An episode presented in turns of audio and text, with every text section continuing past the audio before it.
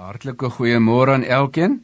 Ek wil veraloggend aanstap in ons reeks oor die bergpredikasie en wel oor die onderwerp rakende die betroubaarheid van woorde en dade. En ons kan dit nou maar noem eetswering, ontrouheid van integriteit ensovoorts. Kom ons vra net eers die seën van die Here. Here, ons vra dat U vir ons sal help om te verstaan wat U vir ons wil sê vanoggend. Amen. Kom ek lees Matteus 5 vers 33 tot 37. Verder het julle gehoor dat aan die ou mense gesê is jy mag nie vals sweer nie, maar jy moet jou ede aan die Here hou. Maar ek sê vir julle, sweer hoegenaamd nie, nie by die hemel nie, omdat dit die troon van God is, ook nie by die aarde nie, omdat dit die voetbank van sy voete is, ook nie by Jerusalem nie, omdat dit die stad is van die groot koning. Ook by jou hoof mag jy nie sweer nie, omdat jy nie een haar wit of swart kan maak nie maar laat julle woord wees ja ja nee nee. En wat meer as dit is is uit die bose.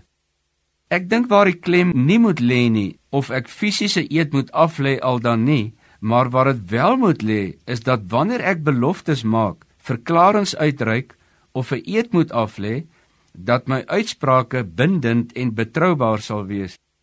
Dit gaan dus oor integriteit van my uitsprake Die skrifgeleerdes en fariseërs van die tyd was baie meer gefokus op die letter van die wet as die hartsgesindheid of dan die egtheid van optredes.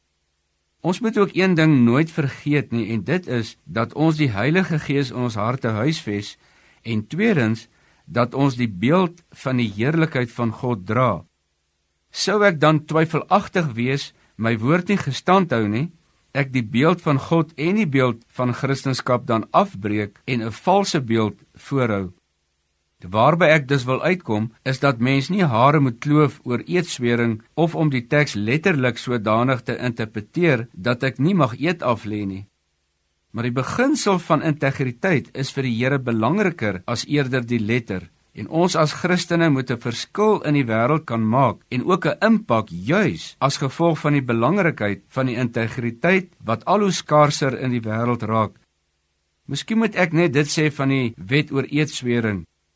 Die wet is juis ingebring om soos in hierdie geval mense te beperk of om te keer om valse getuienisse af te lê. Sou die mens is in nature die waarheid van self spreek, was dit nie nodig vir die wet om dit te beheer nie. Maar nou het ons die genade tyd en mag die Here vir ons genade gee om nie valse ede af te lê nie.